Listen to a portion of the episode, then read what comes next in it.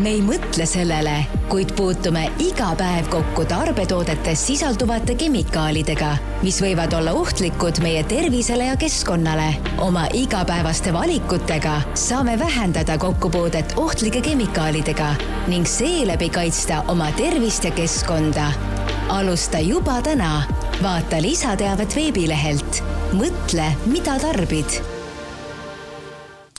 tervist, head kuulajad, algamas on järjekordne jutusaade Luup. mina olen saatejuht Uku-Adrian Ilves ning nagu sissejuhatav klipp juba ütles, tuleb, tuleb tänases saates juttu ohtlikest ainetest, mis meid kodus erinevates toodetes varitsevad. mul on külas Balti Keskkonnafoorumi juhatuse liige, keskkonnaekspert Kai Klein, tervist! tere! sissejuhatuseks natukene teist ja teie tegevustest äh, laiemalt, millega Balti Keskkonnafoorum tegeleb ja kuidas äh, kõige sagedamini lihtinimesed kui ka ettevõtted teiega üldse kokku puutuvad? no Balti Keskkonnafoorum tegeleb erinevate keskkonnateemadega, ütleme, laias laastus võib seda nimetada tea-, sõnaga keskkonnateadlikkus ja selle tõstmine, aga pikemas eesmärgiks on ka siis nii-öelda käitumisharjumuste muutmine ja seda nii tavatarbijatel ehk siis nii-öelda lihtinimestel kui ka ettevõtetel, kes siis oma nii-öelda mingis tootmisprotsessis üht või teist ütleme siis ei tee, võiksid teha keskkonnasõbralikumalt. kui nüüd rääkida tavainimesest, siis tema puutubki meiega kõige rohkem kokku, kui ta loeb erinevaid meie poolt tehtud materjale, mis on siis suunatud talle, et tema oma nii-öelda käitumist muudaks keskkonnasõbralikumaks ja see tähendab seda, et te pakute ka erinevaid äh, koolitusi ja konsultatsioone? jah, et ettevõtetele me pakume erinevaid konsultatsioone, et kui me räägime nüüd just näiteks kemikaalidest, siis äh, kemikaali tegevuskava koostamist, kemikaali ülevaatust, et aitame neil selles osas äh, järje peale saada, siis pakume erinevaid koolitusi Ehm, teeme, kui on soovi nii-öelda tavainimestele, ka näiteks seda, et kuidas ise üht või teist eh, mingit näiteks puhastusvahendit eh, teha, aga lisaks näiteks teeme ka eh, lasteaedadele keskkonnaülevaatust. ja midagi võib-olla natukene teie tööülesannetest konkreetselt? Äh, noh, minul on äh, nii-öelda üks on see, mis puudutab siis nii-öelda juhatuse liikme, mis on siis kogu see administratiivne pool, aga lisaks äh, ma ise teen loenguid just ka nendest samadest ohtlikest ainetest tarbetoodetes, et mis ja kus leiduda võib ja kuidas siis ennast selles osas harida. Mm, ja koostöös rahvusvaheliste ekspertidega olete te siis koostanud juhendi eh, nimega Vabanege ohtlikest ainetest oma kodus, eh, mis eh, annab siis samm-sammult erinevaid juhiseid, kuidas vabaneda erinevatest ohtlikest ainetest, viies siis lugeja mm, noh, piltlikult öeldes ühest toast teise läbi kogu oma majapidamise ja läbi tavalisemate mm, toodete, mida inimene kodus omab. kuidas te te siiamaani olete mm, selle juhendiga inimesteni jõudnud, et ma kujutan ette, et kui see lihtsalt keskmisele inimesele ette anda, see võib juba esimestel lehekülgedel tekitada tunde, et oh issand, et mida kõike ma pean tegema ja jälgima, et äh, muutuda siis äh, keskkonnasõbralikumaks? noh, ütleme, et see juhend kasvas tegelikult välja sellest, et äh, paar aastat tagasi me tegime nii-öelda pilootprojekti korras, käisimegi paaril perel ise kodus ja vaatasimegi nii-öelda praktiliselt äh, üle ja andsime neile soovitusi ja loomulikult sellisel üks-ühesel kokkupuutel on nende asjade lahkamine mõnesti nagu äh, kergem kui see, et kui sa võtad ise kätte ja hakkad seda lugema, siis tekib jah, võib tekkida see oht või et äh, ma ei saagi kuskilt alustada. aga oluline ongi see, et üks samm haaval, et kasvõi üks tuba haaval, kõige lihtsamate lahenduste haaval, et äh, ei pea tegema niimoodi, et ma võtan kõik ja korraga. loomulikult võib seda ka teha, aga tavaliselt see äh, noh, ma teades seda, kuidas mul ise oli, et kui ma selle teemaga nii-öelda kokku hakkasin puutuma, siis tekkiski see tunne, et noh, et ma ei saagi mitte midagi äh, tarbida või mitte midagi osta või ka olemasolevad asjad, et kõikides võib midagi sees olla, mida ma ei tahaks, et seal sees on ja siis ongi vaja leida enda jaoks see niisugune kompromiss, et äh, ma alustan äh, mingisugustest väikestest sammudest, mis on lihtsamad ja liigun siis järk-järgult äh, sealt edasi no kuigi selles juhendis on erinevaid erialatermineid, siis mulle tundub, et see on ka tegelikult õnneks üsna lihtsalt kirjutatud, et tavainimene ikkagi peaks sellest aru saama. no see oli ka meie eesmärk, et kuna on selge see, et me ei jõua ekspertidena käia kõikide inimeste kodudes neid üle vaatamas, et ei ole selleks meil aega ja ei ole inimestel selleks raha, et meid siin võtta, et siis inimesed saaksid ise midagi teha selleks no kahjuks äh, nii palju meil siin saates ka ei ole aega, et kõiki ohtlikke kemikaale äh, ja nende mõju äh, siin läbi käia, aga milliseid ohtlikke aineid kõige sagedasemalt siis meil kodudes leidub? noh, niimoodi on tegelikult väga raske öelda, et mida kõige sagedamini leidub, sest et selleks, et öelda, et mida kõige sagedamini leidub, peaks ju kõiki asju siis testima ja siis saaks teaduslikult öelda, et vot neid aineid on kõige rohkem et mida me saame nii-öelda öelda erinevate testide põhjal, mida on siin varasemalt äh, tehtud, mida me oleme ise teinud, mida rahvusvaheliselt tehakse, on äh, näiteks on plastides sisalduvad ftalaadid, mis on siis plastipehmendid, et need on üks, mida võib noh, suhteliselt palju võib-olla leiduda. samas ma ei saa öelda nüüd jah, et igal juhul kindlasti neid on, aga noh, testid, mida on tehtud, näitavad, et neid on, et noh, näiteks hiljuti siin just oli äh, Äh, tehti teste erinevates plastsporditoodetes ja sealt leiti ka ftalaate, mis on üle normi, et nendel on küll pandud nii-öelda seadusega piirnorm, et rohkem kui mingi protsent ei tohi neid sisalduda, aga paraku tootjad kipuvad neid mingisugusel põhjusel ikkagi rohkem panema. Äh, no ilmselgelt kõik äh, algabki teadlikkusest. Äh, kas või kui kerge on üldse keskmise tarbija teadlikkust täna Eestis hinnata mm,? keeruline, et ähm, sest üleüldse mõiste keskmine tarbija on niisugune väga umbmäärane, et kes meist tahab olla keskmine, et ähm, on inimesi, kes on hästi teadlikud,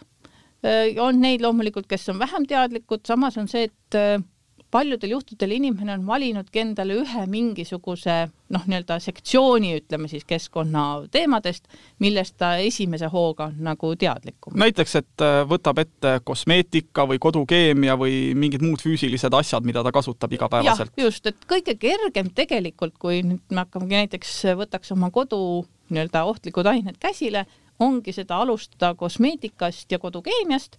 sest et äh, kodukeemial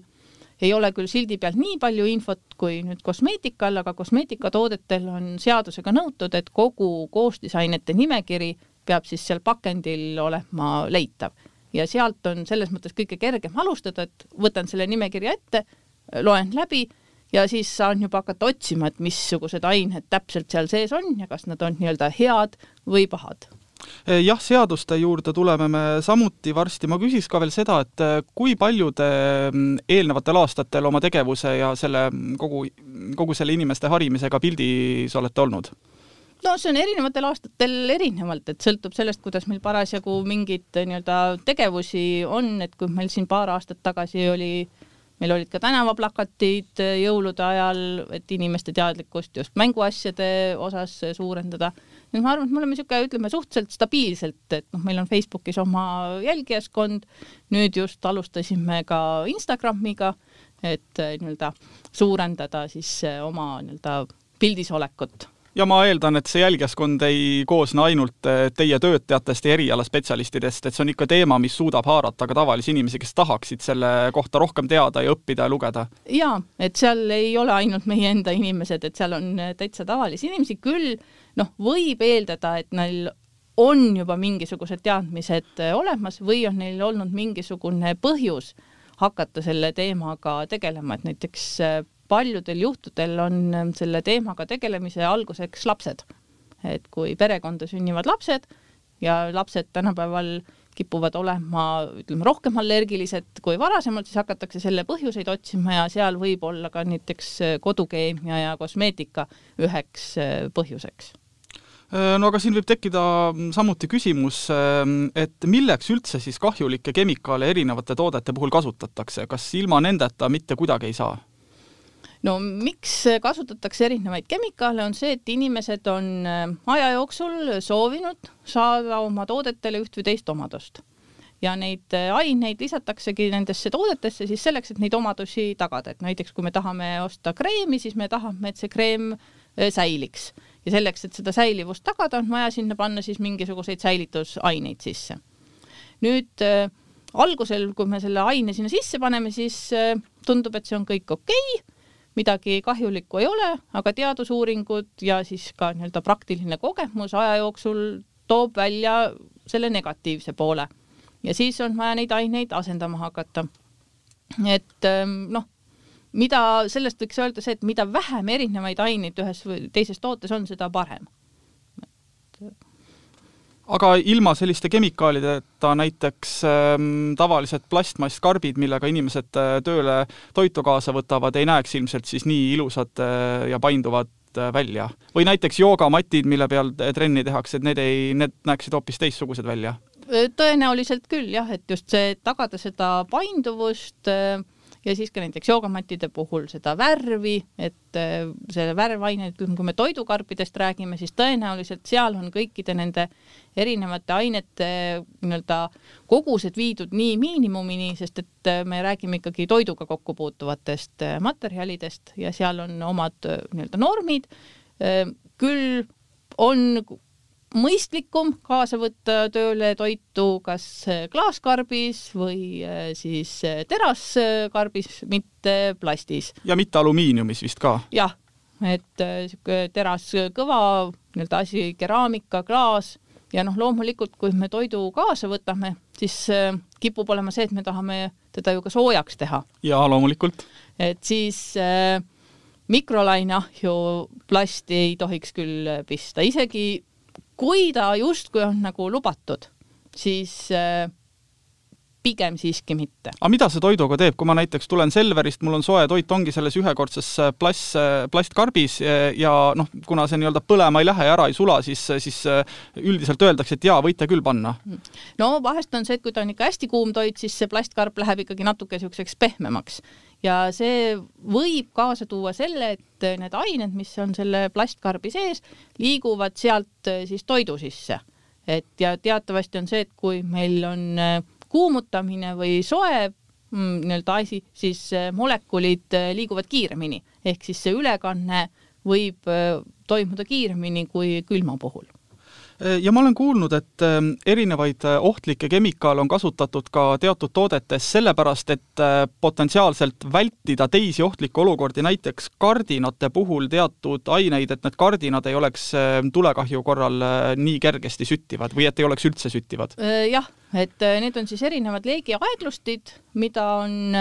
pannakse siis, kasutatakse just tekstiiltoodetes, ähm, kardinad, diivanid, aga ka näiteks elektroonikas arvutid ja see on just selleks, et siis vältida seda, et äh, juhul, kui äh, toimub mingisugune õnnetus, et nad ei läheks nii nii-öelda särinal põlema, vaid nende süttimine võtaks aega. ja kohati on see täiesti arusaadav, et eriti kui me räägime näiteks avalikust ruumist, et siis seal on ka need nõuded seadusega kehtestatud. loomulikult on ka siin see, et kui on, ütleme, üks grupp on näiteks proomitud leegiaeglustid, mis on nii-öelda kahjulikumad, siis äh, leitakse sellele juba ka alternatiiv, et mille, milliste ainetega seda siis asendada, et need omadused ikkagi säiliksid, aga et me ei kasuta sedasama konkreetset ainet äh, kas ja kuidas on ohtlikud ained õhuteel eralduvad ja levivad, et korrektne vist oleks öelda, et need ei ole toodete sees, vaid ka seal peal? Jah, no sest iga asi, mida me elu jooksul äh, nii-öelda kasutame, siis äh, sealt eralduvad äh, nii-öelda väiksed molekulid selle käigus, kui me teda kasutame ja katsume, siis nad satuvad õhku, sealt me hingame ta sisse või siis nad satuvad ka näiteks tolmu. Ja siis on tolmus ja on ka kodutolmu teste tehtud ja leitud, et nad tõepoolest nii-öelda kodutolmus näiteks olemas on. Ja seal juhendis on tegelikult veel üks selline üsna üleüldine mõte, et tegelikult äh, me omame tavaliselt äh, palju rohkem asju, kui meil üleüldse eluks vaja läheb. Äh, jah, et paraku kipub see nii olema, et mis on ka see, et, et tuleb enne, kui me uue asja ostame, tuleks mõelda, et kas meil seda ikka on nagu vaja, et kas meil on seda väga vaja või saame me ilma selleta tegelikult väga hästi hakkama loomulikult on siin see nii-öelda teada, et on mingi emotsionaalne pool, et on vaja stressi maandada ja kõik see, aga võib-olla leidub mõni teine viis selle tagamiseks. sest et üks asi on see, et kui mõelda iga üksiku toote peale, siis äh, see vastab äh, reeglina kõikidele nõuetele, et see on ohutu, teda võib kasutada, tarbida. aga kui me mõtleme just nüüd selle peale, et meil ei ole ju kodus ühte asja, me ei kasuta ühte kosmeetikatoodet reeglina, meil ei ole reeglina ainult ühte kemikaali kodus, vaid meil on erinevaid tooteid, erinevaid asju hästi palju, mis toob kaasa selle, et tekib see nii-öelda kokteili efekt. Ehk me kasutame erinevaid asju,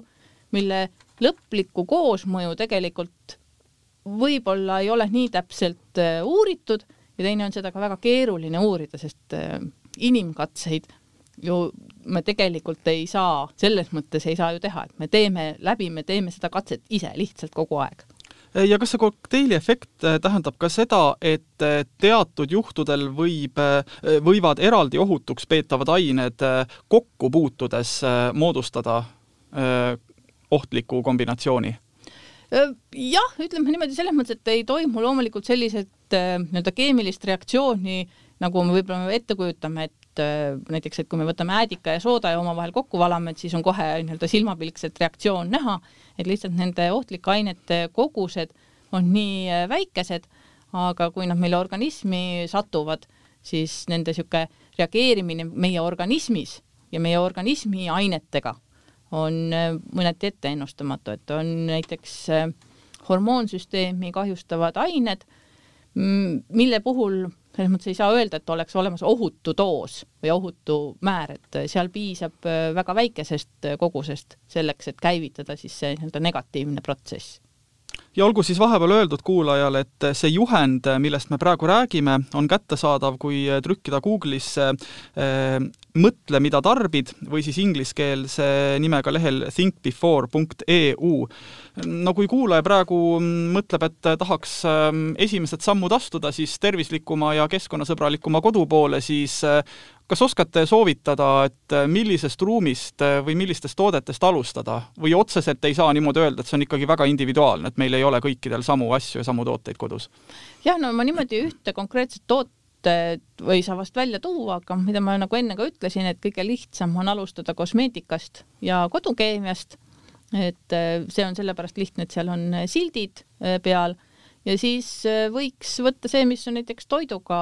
kokku puutuvad asjad, vaadata üle oma plastkarbid, mida tõenäoliselt äh, igal juhul kodus on, sest teisest küljest on see, et kui ta juba koju on olnud ja ta ei ole muutunud niisuguseks noh, kleepuvaks ja nii-öelda ebameeldivaks plastiks, siis äh, põhimõtteliselt näiteks külmutamiseks seda kasutada on tõenäoliselt päris nii-öelda sobilik, et teda ikkagi kasutada ja mitte ära visata, sest et noh, mõneti on kõige hullem ka see, et ma viskan ära selle asja, mis on nagu öö, kasutuskõlbulik. loomulikult, kui ta on niisugune noh, plasti puhul on niisugune haisev ja kleepuv, et siis pigem on seda mõistlik mitte kasutada mm. -hmm. no ma just hiljuti tegin oma köögikapis väikse suurpuhastuse või ülevaate vaatuse nii-öelda ja, ja seal oli üks äh, toidu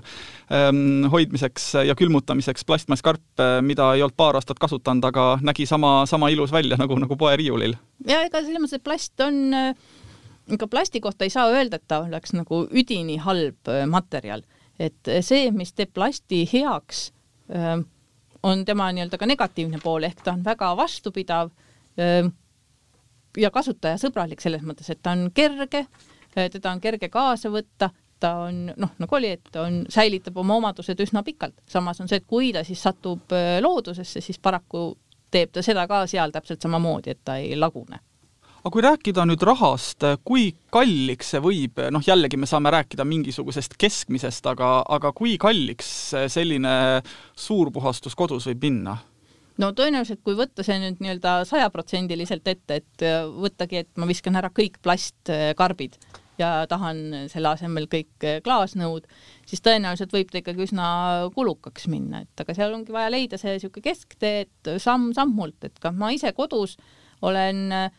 et ma ei osta enam juurde uusi plastkarpe, et kui ma ostan, on vaja mingit säilitusnõud, siis ma ostan klaasi. et jah, ma tean, et see on kallim, aga mul ei olegi seda nii palju vaja Äh, ja rääkides seadustest, et äh, millised üldse on Eestis ja Euroopa Liidus äh, seatud piirangud siis ainete ohtlikkusele, mida erinevad tooted võivad sisaldada ja kas see on viimastel aastatel näiteks kuidagi ka muutunud, et on tulnud regulatsioone juurde? Ehm, noh, otseselt ma ei saaks öelda, et neid nüüd juurde oleks tulnud, aga et Eestis põhimõtteliselt on, kehtivad samad piirangud, mis meil Euroopa Liidus on kemikaalide sisaldusele erinevates tarbetoodetes et meil oma nii-öelda e-, muid sätestusi siin ei ole. aga kõige rohkem on neid erinevates seadustes piiratud just toiduga kokku puutuvate materjalide puhul, aga ka lastekaubad, näiteks erinevad mänguasjad, mis on. Aga osad ained on ka päris keelatud,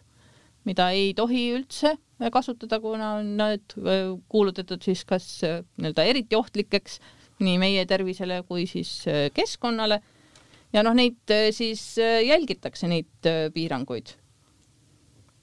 Kas mingeid drastilisi näiteid oskate ka tuua, et on mingit ainet sisaldav selline laiatarbetoode juba turule lastud ja siis on teadusuuringud jõudnud natukene hiljem asjale järele, et vot, et seda ikka ei tohiks üldse müüa ja, ja korjatakse igalt poolt ära? no eks ma ei oska nüüd, mõtlen, et kas ma oskan ühe konkreetse kauba niimoodi öelda, aga põhimõtteliselt nii see paraku on et ähm, näiteks needsamad ftalaadid, nad on mingil hetkel lubatud ju toodetesse panna. Ja siis on teadusuuringud jõudnud järeldusele, et tegelikult ei ole ohtlik ja siis hakatakse teda reguleerima ja siis tuleb,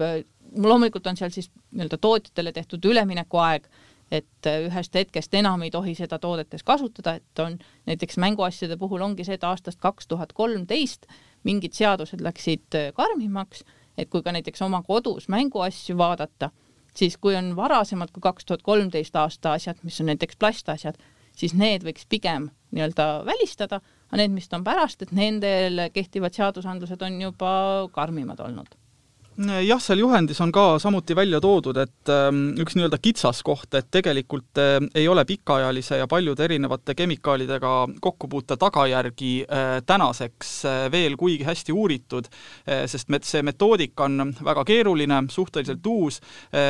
samuti uuringud võtavad aega, me räägime ikkagi aastatest või pigem vist aastakümnetest ja samuti on väga keeruline ju välja tuua põhjuse ja tagajärje suhet, sest nagu teada, äh, pärast seda ei tähenda alati sellepärast. just, nii see kahjuks nende kemikaalide ja ohtlike ainete puhul on, et ähm, ja me ei saa just öelda ka seda, et kuna ju me ei tarbi ainult ühte asja, et siis me ei saa öelda, et vot just nimelt sellest ühest, sellest mänguasjast pärit ftalaat on põhjus selleks, et näiteks, et mul on vähk. et sellist nii üht ühele seost me ei saa teha sest et me ei ela isoleeritud keskkonnas, me liigume ju ka väljas ja neid mõjutajaid, mis meie tervist ja ka nii-öelda ümbritsevat keskkonda mõjutavad, on lihtsalt nii palju äh, kas võib öelda, et need põhilised äh, sisulisemad uuringud sellel alal on pärit äh, sellest või ikkagi eelmisest sajandist? pigem ikka juba sellest sajandist, et kogu see nii-öelda tarbimisühiskond ju hakkas, ütleme, ikkagi laialdasemalt levima, ütleme eelmise sajandi lõpus ja sellel sajandil aga uuringud jõuavad ikkagi järgi sellel ajal ja nüüd ka näiteks kogu üle Euroopa see toodete süsteem, et kui ühes Euroopa riigis avastatakse mingi toode, mis ei vasta seaduse nõuetele, siis eh, Eesti ei pea hakkama uuesti neid teste tegema selle toote kohta, et tõestada, et jah, siin näiteks on mingi ftalaatide ületamine, vaid piisab sellest, et see test on Saksamaal juba ära tehtud. jah, et see toimub kõik üle-euroopaliselt, et, et säästa erinevaid riike ja. sellest nii-öelda mõttetust tööst. jah, just, täpselt räägime natukene peamistest äh, märgistest, äh, mida noh, jällegi neid on kindlasti ka väga palju juba seal juhendis, eks ole, aga mida iga inimene peaks tundma? erinevate toodete, olgu see kodukeemia, kosmeetika, kas või mänguasjad.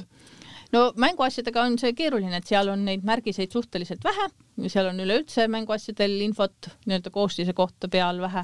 aga kodukeemia ja kosmeetika puhul on erinevad ökomärgised näiteks Euroopa Liidu lilleke, mis ongi oma nimega saanud selle järgi, et ta näeb niisugune lillekujuline välja või siis ka Põhjamaade luik, et ähm, ja kosmeetikatoodetel on ka erinevaid nii-öelda kosmeetika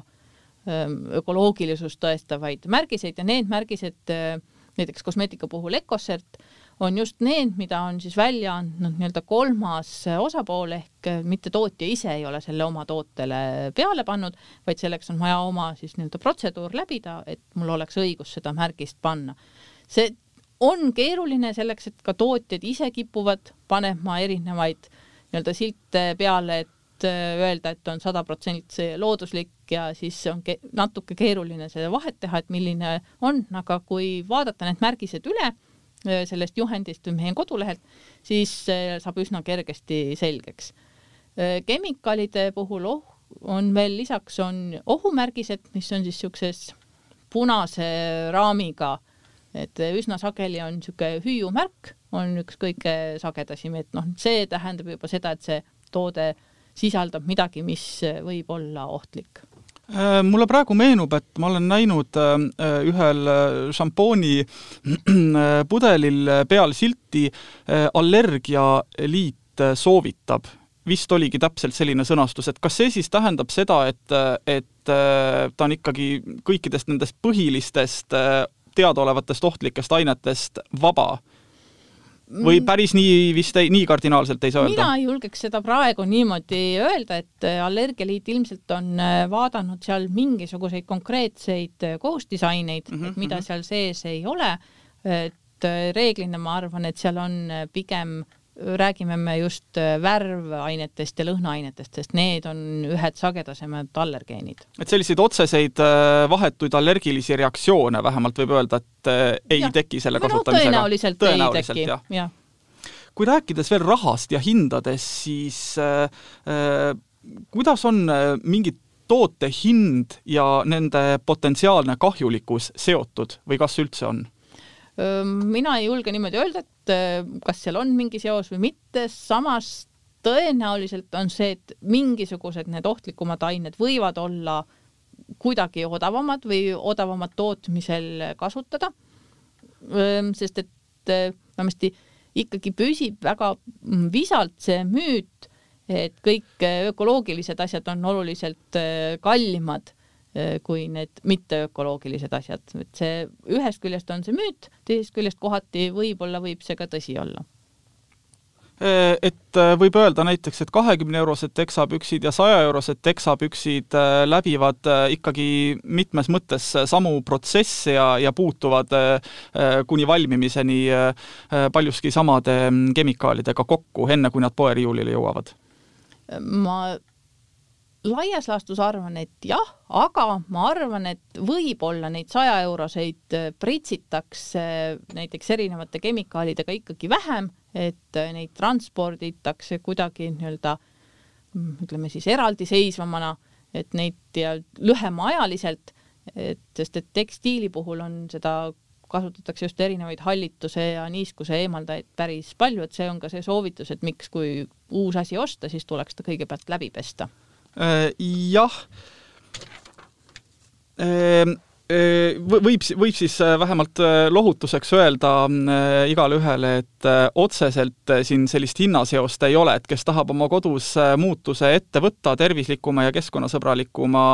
kodu poole, siis see ei tähenda alati ehm, ilmselgelt rahakulu, vaid pigem lihtsalt teatud harjumuste muutmist ja, ja tähelepanelikkuse suurenemist. just, sest tavaliselt tähendab see, et kui ma oma vaatan oma tooteid, võimalik on see, et ma kümne asemel vajan ainult ühte, mis tegelikult ju rahaliselt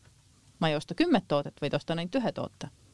ja ma kujutan ette, et see üleminekuperiood võib äh, kas peres või ka näiteks töökollektiivis alguses äh, olla võib-olla ka sellepärast ebamugav, et hakatakse, hakatakse seal küsima, et äh, aga miks sa nii, äkki sa mõtled üle ja mis sa vaatad ja ole nüüd, et need tegelikult ei ole ju kahjulikud.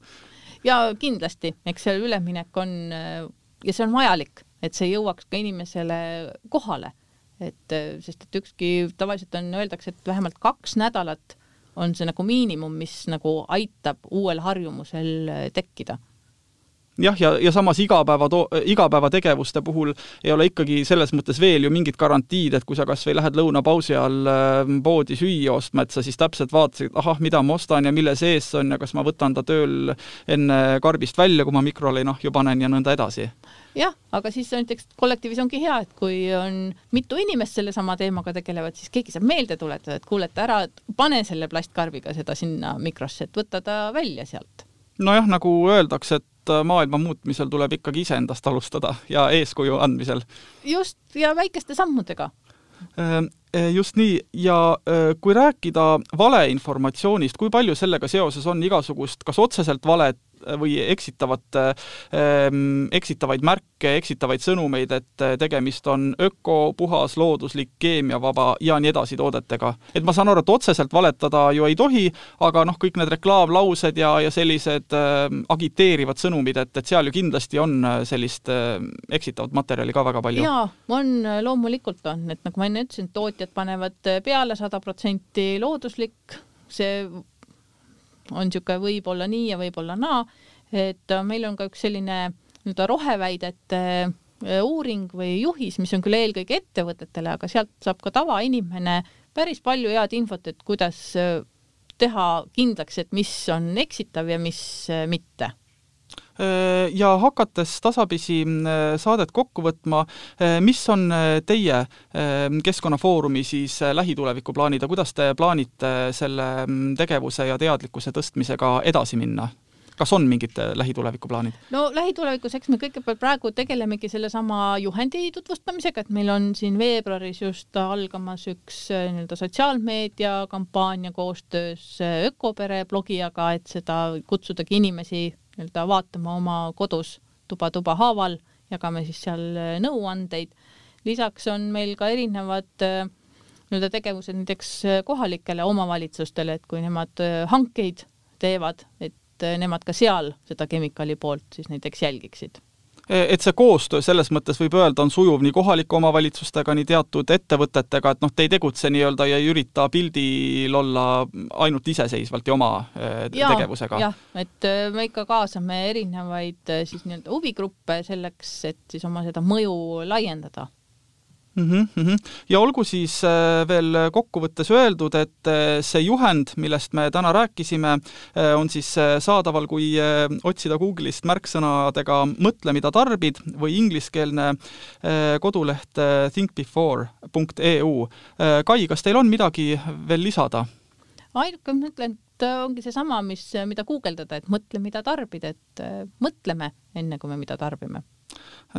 jah, nii ta on. ma tänan teid äh, saatesse tulemast, minul oli väga huvitav äh, teiega vestelda, samuti ähm, ehm, eelnevalt kogu selle teemaga tutvuda, tänan ka kuulajaid ning tehkem siis võimalikult ohutuid ja keskkonnasõbralikke valikuid. järgmise korrani!